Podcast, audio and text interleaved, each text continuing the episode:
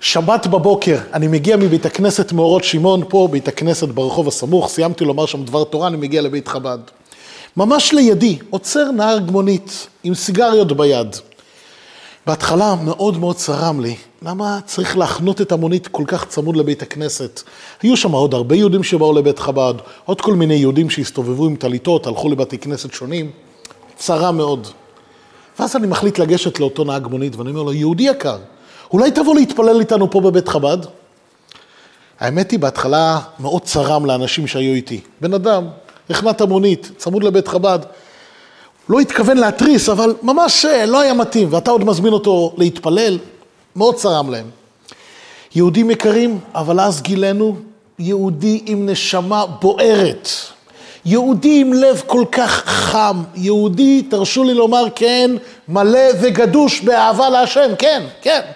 אז אמנם הוא לא הגיע איתנו, הוא לא הגיע איתי להתפלל בבית הכנסת, אבל הנחת תפילין כן יצא משם, ואני מאמין שבעזרת השם בשבת הבאה, אנחנו נפגוש אותו פה מתוך שמחה גדולה. אז כמו שאמרתי, יהודים זה באמת באמת צרם ככה ליהודים שהיו איתי, בסוף הם, בסוף הם הבינו שזה היה דבר מאוד מאוד נכון, אבל מה אתם אומרים? יהודי, מחלל שבת, מה, מה לו ולבית הכנסת? מה לו ולתפילה? אז אני חושב, יהודים כמו תמיד, אני רוצה לעיין טיפה בפרשה שלנו, בפרשה החדשה שלנו, פרשת בשלח, ובואו נראה מה משה רבינו מלמד אותנו. מה משה רבינו מלמד אותנו, מה לעשות בכזאת סיטואציה. אנחנו קוראים בתחילת הפרשה, הקדוש ברוך הוא אומר למשה רבינו, אל תיקח את עם ישראל, כן, הרי יצאנו ממצרים, על סיפור יציאת מצרים כבר קראנו בפרשה הקודמת. יצאו כל צבאות השם מארץ מצרים. הדרך ממצרים לארץ ישראל היא מאוד קרובה, אפשר לצאת דרך ארץ פלישתים, ממש ממש קרוב. אבל אנחנו קוראים שהקדוש ברוך הוא מחליט לא לקחת את עם ישראל דרך ארץ פלישתים, אלא לקחת את עם ישראל דרך המדבר לעשות סיבוב, כי עם ישראל, כי אמר אלוקים פן ינחם עם בראותה מלחמה, ושבו מצרים הקרוב הוא. הקדוש ברוך הוא רוצה שקצת נעכל את היציאה ממצרים, ולכן הקדוש ברוך הוא מחליט דרך המדבר, לא דרך ארץ פלישתים. ואז מוסיפה התורה, ויקח משה, את מה? זוכר ראובן, את מה משה רבינו לוקח איתו? סליחה, משה רבינו לוקח איתו את עצמות יוסף. למה משה רבינו לוקח איתו את עצמות יוסף? כי השבע השביע את בני ישראל כאשר נצא ממצרים, כאשר פקוד יפקוד אלוקים אתכם, אז מה? ועליתם את עצמותיי מזה איתכם. רבותיי, רגע, רגע, אבל מה הקשר? מה הקשר? הרי את עצמות יוסף, הרי את עצמות יוסף אנחנו חייבים להוציא אותנו ממצרים, נכון? לא משנה דרך איך יוצאים. לא משנה אם יוצאים דרך המדבר או יוצאים דרך ארץ פלישתים. וכי אם היינו יוצאים דרך ארץ פלישתים, לא היינו עוברים דרך המדבר, אלא היינו יוצאים ישירות ממצרים ישירות דרך ארץ פלישתים. אז יעלה על הדעת שעצמות יוסף היו נשארים? בקיצור, זה נשמע, הרי הסיפור של ויקח משה את עצמות יוסף עמו, זה היה אמור להיקרב, היה אמור להיכתב כבר שבוע שעבר. כאשר יצאנו ממצרים, היה צריך להיות כתוב, יצאנו ממצרים ומשה רבינו לקח איתו את עצמות יוסף. מה הקשר לסיפור הזה שיצאנו דרך המדבר ולא דרך ארץ פלישתים? למה פה זה מופיע? ועוד שאלה שקצת קצת מציקה, קצת צורמת באוזן, על צדיק, בטח צדיק כל כך גדול כמו יוסף הצדיק, שאנחנו כבר מכירים את גדולתו וקדושתו, לא מתאים לומר עצמות יוסף, נכון? ככה מתבטאים על צדיק. נכון שעל מת אומרים עצמות המת, אבל יוסף הצדיק, צדיק כל כך עצום, הציל את העם היהודי כולו במצרים, נכון? היה מתאים, ויקח משה את אהרון יוסף. או אפילו על צדיק מתאים לומר, ויקח משה את יוסף. מה זה עצמות יוסף? מה זה עצמות יוסף?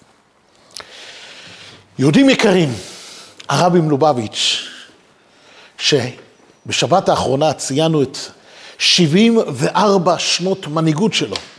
בשבת האחרונה ציינו את היום, את יום הקדוש, י' בשבט, היום שבו עלה לנשיאות. אז הרבי מלובביץ' פעם הסביר את זה בצורה מאוד מאוד מעניינת. רבותיי, משה רבינו מלמד אותנו איך אנחנו יוצאים מהמדבר. איך אנחנו יוצאים מהמדבר הרי ויסב אלוקים דרך המדבר, אנחנו עוד לא הגענו, משה רבינו מלמד אותנו. כל עוד שלא הגענו לגאולה, כל עוד שיהודי נמצא במדבר, אתם יודעים מה זה מדבר? חסידים, אתם יודעים מה זה מדבר? מדבר זה לא מקום טכני. מדבר זה לא מקום צחיח שאין שם עצים ואין שם מים. מדבר זה יכול להיות באמצע העיר, זה יכול להיות יצחק החסיד, זה יכול להיות מקום שמלא באנשים, אבל אין שם אלוקות. אין שם מים, אין שם תורה, לא מרגישים שם את הקדוש ברוך הוא. המקום יבש, אין לחלוכית של חסידות, אין לחלוכית, אין לחלוכית של אלוקות, אין לחלוכית של קדושה, של יהדות.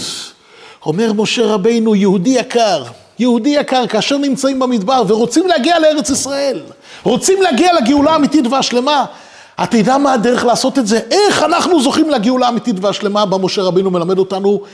מלמד אותנו יסוד אדיר ביותר. צריך לקחת את עצמות יוסף. מה זה עצמות יוסף? כבר הערנו, נכון? ואפילו אני ראיתי מיד שכבר ככה, כמה יהודים זה ככה הציק להם בפנים עצמות יוסף. הערנו הרי שלכאורה על צדיק כל כך גדול לא מתאים לומר מה עצמות יוסף, נכון? משה רבינו אומר, קח איתך את עצמות יוסף, במובן, קח איתך את עצמיותו של יוסף. אתה רוצה להגיע לגאולה, אתה רוצה להגיע לארץ ישראל, אתה רוצה כבר לראות את בית המקדש השלישי, קח איתך את עצמיותו של יוסף, את הנקודה הכי הכי פנימית של יוסף. מה הנקודה הכי פנימית של יוסף? מה הנקודה התיכונה, הנקודה המרכזית? יוסף הצדיק היה לו הרבה מעלות, יהודים יקרים, נכון? היה צדיק גדול, שמירת הברית, אהבת ישראל, לא, לא נקם, על אף שהתנהגו אליו בכזאת צורה מגעילה, אחיו התנהגו אליו בצורה כל כך לא יפה, משה יוסף הצדיק לא נוקם, ואפילו גומל רק טובות. אבל מהי הנקודה הפנימית של יוסף? איך אנחנו יודעים את זה? יהודים. אם אני רוצה לדעת מה הנקודה הפנימית של הצדיק הגדול הזה שנקרא יוסף הצדיק, מה הנקודה הפנימית שלו, על פי מה? מצוין, מצוין, מצוין שמעון. נכון, רבי מאיר לימד אותנו, אם אתה רוצה לדעת משהו, על פי השם אתה יכול לזהות את הנקודה הפנימית של יוסף. יוסף קרוי בשם יוסף, למה? שרחל ילדה את יוסף, היא קוראת לו בשם הזה ואומרת לו, יוסף השם לי בן אחר. בפשטות, מה זה יוסף השם לי בן אחר?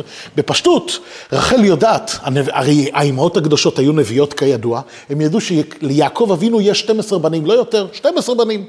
יוסף היה הבן ה-11. רחל הרי הייתה עקרה כמה שנים. לא נולדו, לה, לא לה ילדים, עד שנולד לו סוף סוף יוסף. היא יודעת, והיא לא מסתפקת ביוסף, כמו אימא יהודייה אמיתית, רוצה עוד ועוד ילדים, אבל היא יודעת שהיא לא יכולה להתפלל לעוד עשרה ילדים או לעוד, לעוד חמישה ילדים. היא יודעת שאם יוסף הוא הבן ה-11, ליעקב אבינו ייוולד עוד כמה ילדים, כמה ייוולד לו? עוד אחד מקסימום. היא מתפללת ואומרת לקדוש ברוך הוא, השם, הבן האחר, הבן הנוסף, הבן המספר 12 של, של יעקב אבינו, תן אותו לי. יוסף השם לי בן אחר, את הבן האחר, את הבן ה-12, אלוקים, תעשה שהוא ייוולד אצלי, ואכן באמת מי זה היה בן ה-12 כמובן, מי זה היה? בנימין שנולד, אחי יוסף, גם מאביו וגם מאמו, נולד לרחל אימנו. אבל יש מדרש חסידים יקרים, יש מדרש מדהים. יש מדרש מדהים שאתה בהשקפה שטרית, אתה לא מבין מה המדרש אומר. המדרש אומר, יוסף השם לי בן אחר. הוא קורא ליוסף ואומר, יוסף השם, ש... יוסף השם לי בן שעשה מעשה אחרים.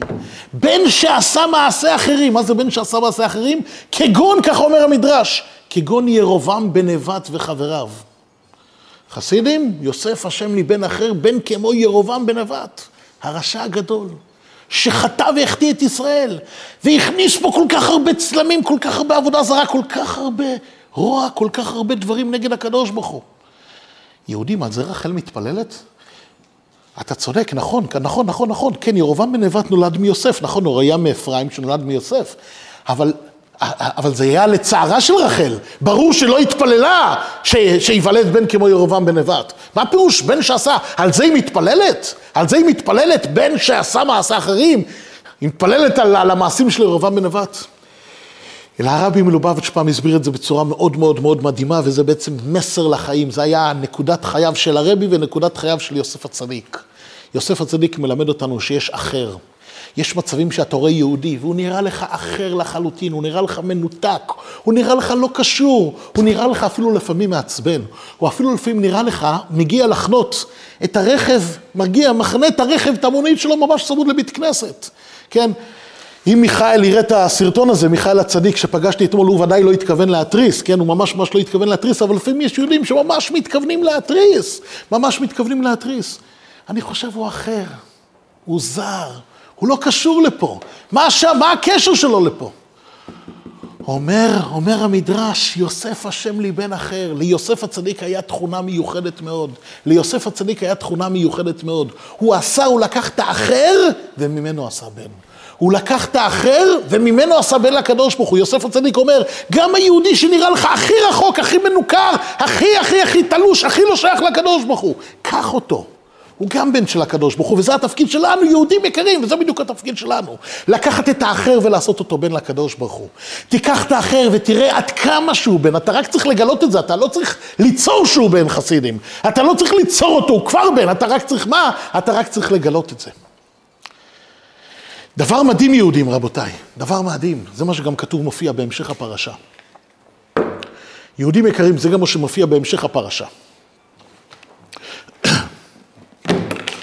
סליחה, בהמשך הפרשה מופיע מלחמת עמלק. עמלק פתאום מופיע. עם ישראל יוצא ממצרים, עובר את הים, עם ישראל יוצא ממצרים, עובר את הים, ומה? עם ישראל עובר את הים, ופתאום מופיע עמלק. בדרך למתן תורה, בדרך למתן תורה מופיע עמלק. ואז משה רבינו קורא ליהושע ואומר לו, בחר לנו אנשים, תביא לנו אנשים צדיקים, וצא יילחם בעמלק. צא יילחם בעמלק. מה פירוש צא יילחם בעמלק? כל מילה בתורה, תגידו לי, כל מילה בתורה היא מדויקת או לא? יהודים יקרים, כל מילה בתורה היא מדויקת או לא? ברור. אז בחר לנו אנשים, התורה הייתה צריכה לכתוב, בחר לנו אנשים, ויילחם בעמלק, מה זה צא? אם אתה רוצה כבר לפרט את כל הפעולות שצריך לעשות בשביל להילחם בעמלק, אז יש לו עוד הרבה פעולות. וצא, ותיקח איתך כלי נשק, ותיקח איתך הצידה לדרך, וכך ותעשה ותעשה. מה זה הצא? מה ההדגשה שמשה רבינו אומר, צא יילחם בעמלק? אלא יהודים יקרים, יש פה מסר עצום ליהושע ולכל יהודי ויהודי בכל דור. ושוב, עמלק הוא הפריע לנו ללכת למתן תורה. משה רבינו אומר, תשמע, צריך להילחם בעמלק בשביל להגיע למתן תורה. בשביל להגיע למתן תורה, ועוד פעם, אותו נקודה, להגיע לגאולה השלמה צריכה להילחם בעמלק, ותשמע איך נלחמים בעמלק. תשמע, אומר משה רבינו ליהושע ולנו, לכל אחד ואחד מאיתנו, למנחם וליצחק ולשמעון ולכל יהודי, אמר משה רבינו, צא יילחם בעמלק. תדע מאיפה לצאת. תדע מאיפה לצאת, תשמע מאיפה לצאת. הרי בכלל נשאלת השאלה, יהודים יקרים, איך עמלק נלחם בעם ישראל? היה לנו את חומת הביטחון, היה לנו את המרחב הכי הכי מוגן שיש. כן, לא מרחב הכי מוגן, מה שקוראים פה באשקלון, מרחב הכי מוגן, שהוא לא ממש מוגן. היה לנו מרחב מוגן באמת, היה לנו את מה? את ענני הכבוד. מה קרה למצרים? בתחילת הפרשה הרי אנחנו קוראים, שהמצרים ירו עלינו חיצים, מה, מה ענני הכבוד, מה העננים עשו? החזירו את המצרי, החזירו את החיצים בחזרה לאיפה? למצרים. לא הצליחו לפגוע באף יהודי, הקדוש ברוך הוא שמר עלינו, הגן עלינו בצורה הכי הכי מושלמת. ענן, איך עמלק הגיע? אז איך עמלק פגע בעמלק? איך עמלק, סליחה, סליחה, סליחה, איך עמלק פגע בעם ישראל בכזאת צורה יהודים? אתם יודעים מה זה? התשובה כתובה בחומש דברים, פרשת כי תצא. ויזנב בך, ויזנב בך חסידים, מה? כל הנחשלים אחריך. ויזנב בך כל הנחשלים אחריך. מה הכוונה? מה זה נחשלים? מה פירוש להם נחשלים? אז תשימו לב, המדרש אומר דבר מדהים, אתה יודע מה זה? מי זה, מי זה הנחשלים?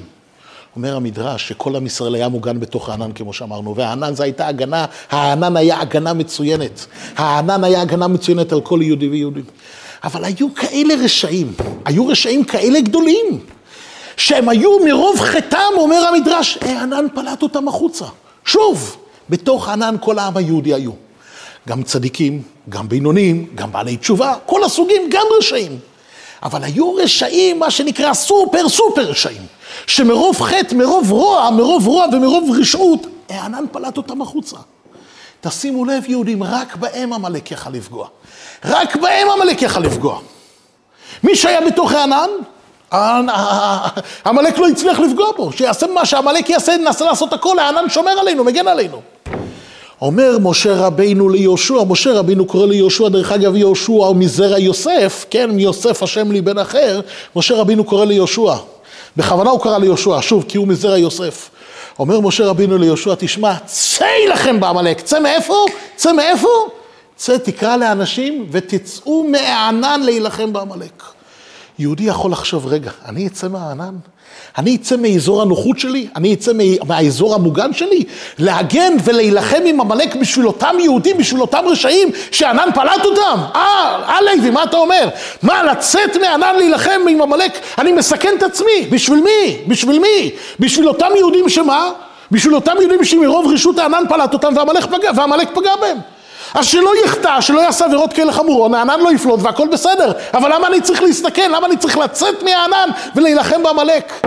אלא זו התשובה של משה רבינו. יהודים, בשביל להגיע לגאולה, בשביל להגיע לגאולה אתה צריך להילחם גם עבור אותם יהודים. כן, כן, אתה צריך להילחם גם עבור אותם יהודים שמה?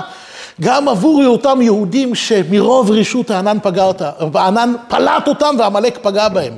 ככה נגיע לגאולה. אם אני אדאג לעצמי רק, בגשמיות, ובטח ברוחניות, אם אני אגיד, תשמע, אני רוצה להיות יהודי שומר תורה מצוות. יהודים יקרים, אני אומר, תשמע, אני יהודי, מקיים כל הלכה, כל סעיף בשולחן ערוך, מתפלל בדבקות שלוש פעמים ביום, לומד תורה, קובע עיתים לתורה, אני מתנהג על פי ההלכה, הכל בשלמות. מה עם אותו יהודי, ש... אותו יהודי רשע שענן פלט אותו? מה עם אותו יהודי שהוא אחר? מה העסק שלי? למה אני צריך, לה... למה אני צריך לבזבז את הזמן שלי? אני יכול לשבת לשגשג בתורה, להתעלות. אני יכול לעלות, להתעלות ברוחניות. מה, מה הסיפור שלי? מה אכפת לי מאותו יהודי? הכל נפלא, אם אתה מקיים תורה ומצוות עם עצמך ועם המשפחה שלך, נפלא, אבל את הגאולה לא תביא ככה. את הגאולה לא תביא ככה, להיכנס לארץ ישראל, לצאת מהמדבר ולהיכנס לארץ ישראל. בשביל להיכנס לארץ ישראל חייבים לקחת את עצמות יוסף, יהודים יקרים. מוטל עלינו לקחת את עצמות יוסף, חובה עלינו לקחת את עצמות יוסף. חובה וכמובן זכות, זכות גדולה מאוד, כי ככה מביאים את הגאולה. אתם יודעים, הרבי מלובביץ', שוב שהזכרתי אותו, הרבי מלובביץ', שהשבוע, שבת האחרונה, ציינו את היום הענק שבו הוא קיבל על עצמו את ההנהגה. הרבי פעם אמר דבר מדהים. לבן הרשע, אתם זוכרים? זוכרים? הרי אנחנו מספרים את, יציאת, יציאת, אנחנו מספרים את סיפור יציאת מצרים בשבועות הללו, גם בליל פסח וגם בשבועות הללו, נכון? אנחנו קוראים את זה הרי בתורה. אז בואו נזכור, זוכרים את ההגדה של פסח? זוכרים מה כתוב בהגדה של פסח? קראנו את זה לפני כמעט עשרה חודשים, כן? מה אומרים שמה? כנגד כמה בנים דיברה תורה? כנגד כמה בנים דיברה תורה? ארבעה בנים. חכם, רשע, תם ושאינה יודע לשאול. מה הרשע אומר? מה הרשע שואל? תזכירו לי חבר'ה, נו תזכירו לי. אל תסמכו עליי, נו. מה הרשע אומר? או, מה העבודה הזאת לכם? מה העבודה הזאת לכם? אומרת, הגמר, אומרת, אומר ההגדה, ככה, ככה אנחנו אומרים בהגדה, הוא מתריס, הוא מעצבן. מה הוא אומר? מה העבודה הזאת לכם? לכם ולא לא. לכם ולא לא, אני כביכול לא בתמונה, אני לא בתמונה, זה לא קשור אליי. אז מה תגיד לו? מה תגיד לו? הכה את שינם ואמור לו, בעבור זה עשה השם לי בצאתי מצרים. לי ולא לא, מצוין, לי ולא לא. ואנחנו אומרים לו, אילו היה שם, אילו היה שם, מה? לא היה נגאל. אילו היה שם, איפה זה שם? במצרים לא היה נגאל. הרבי מלובביץ' עם אהבת ישראל האדירה שלו, הרבי מלובביץ' עם אהבת ישראל האדירה שלו פעם שאל, רגע, רגע, מה המטרה שהוא יושב בסדר? מה המטרה שאנחנו מביאים אותו לליל הסדר? מה המטרה שמביאים את הבן הרשע? להסביר לו שהוא לא שייך ליציאת מצרים? שהוא לא חלק מהסיפור של יציאת מצרים? שהוא בכלל לא מתאים לנו, לא מתאים לנו שהוא יושב פה? מה אתה אומר לרשע? תשמע, אני לא יודע איך נפלת פה, אתה בכלל לא היית אמור לצאת ממצרים. אני לא יודע איך נפלת פה, אתה לא קשור לליל הסדר. אם לא היה שם, לא היה נגאל. זה מה שאתה אומר לבן הרשע, בשביל זה אתה מבין אותו לבן הסדר? לבין... איך, מה אנחנו צריכים לעשות עם הרשע? לקרב אותו? לקרב אותו או להרחיק אותו? אם אתה לא מקרב אותו, אבל לפחות אל תרחיק אותו. אתה מביא אותו ומסביר לו, תשמע, אתה לא חלק מהעניין. מה הרעיון פה? אלא הרבי באהבת ישראל האדירה שלו, יהודים, אהבת ישראל, הרבי באהבת ישראל האדירה שלו אמר, אמר בדיוק הפוך רבותיי. רבי באהבת ישראל האדירה שלו, הרבי אמר שהמסר של ההגנה לבן הרשע, המסר של ההגנה לבן הרשע, תשמעו יהודים, בדיוק הפוך ממה שאנחנו קוראים. בדיוק הפוך. הרשע יושב בסדר, והוא מתריס. אנחנו חושבים שהוא מתריס כי הוא סתם רוצה לעצבן ולאחס. לא, הוא מתריס כי הוא מבולבל. הוא מתריס כי הוא לא קיבל חינוך יהודי. הוא מתריס כי הוא רוצה שיקרבו אותו. לפעמים בן אדם מתריס, אתם יודעים, כמו שדיברנו כבר הרבה פעמים, בן אדם מתריס כי יש לו כאב, הוא לא מזהה את הכאב, אז הוא בא ומתריס, והוא חושב, מה העבודה הזאת לכם? מה זה לא קשור אליי? הוא מכריז זה לא קשור אליי. הוא מרגיש שזה כן קשור אליו, נכון? כמו שאמרתי כמה פעמים. הרופא שיניים, כשהוא נוגע לך בעצב חי, זה כואב, בעצב מת. אם הוא נוגע בעצב מת, אז מה, אתה לא מרגיש שום כאב, נכון? הרשע מתריס כי כואב לו, כי מדקדק לו, כי הוא מרגיש שיש לו את הנשמה. אבל הוא לא קיבל חינוך יהודי. מכל סיבה שהיא, לא משנה, הוא לא קיבל חינוך יהודי. הוא מתיישב עם יהודים בליל הסדר והוא מרגיש זר. הגוף מרגיש זר, הנשמה מרגישה מחוברת, הגוף המון מרגיש זר. והוא מתריס, הוא אומר, מה העבודה הזאת לכם? זה לא בשבילי.